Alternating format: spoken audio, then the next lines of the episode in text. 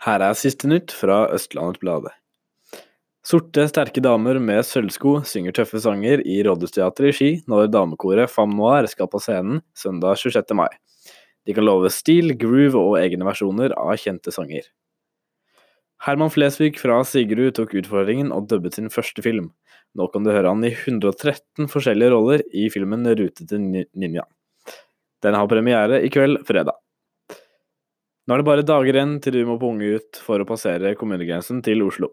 Det koster deg fort flere tikroninger ekstra om du, skal, om du ikke har bombrikke i frontruta.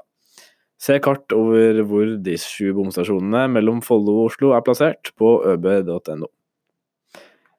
Før 1.8 må Nina Mathisen i Nina Interiørteknikk ut av lokalene i Åsenveien 113. Jeg har lenge prøvd å finne et annet sted her i Ski, men nå ser det ut som jeg må flytte hele virksomheten til Fredrikstad. Det sier hun.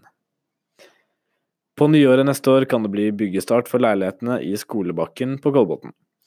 Vi flytter treningssenteret permanent og jobber med å flytte, få midlertidige lokaler til kafeen. Det forteller Pekka Lundefare i Pulsgruppen.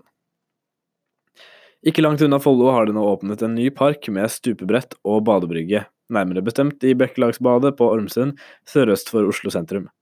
Les mer om den perlen på øb.no. En 15-åring fikk lyst på en Canada Goose-jakke til, en medelev. Nå venter han en dom for barneran i Ski. På torget i Ski har det dukket opp noen nye langbord. Ordfører Hanne Oppdan håper det vil gi mer liv i Ski sentrum. Tollerne på Ørje klarte å avsløre et sleipt triks hvor smuglerne brukte to biler. De fant varer verdt millioner av kroner. Politikerne i Hovedutvalg for oppvekst og miljø i Ås vil tilføre skolen én million kroner. Veldig gledelig, sier Utdanningsforbundet. I tillegg kan du lese saken om Ole Martin som leverte Teslaen sin til vask. Han fikk sjokk da han sjekket hvor den var.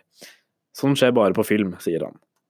Siste nytt fikk du av Peder Blumlein.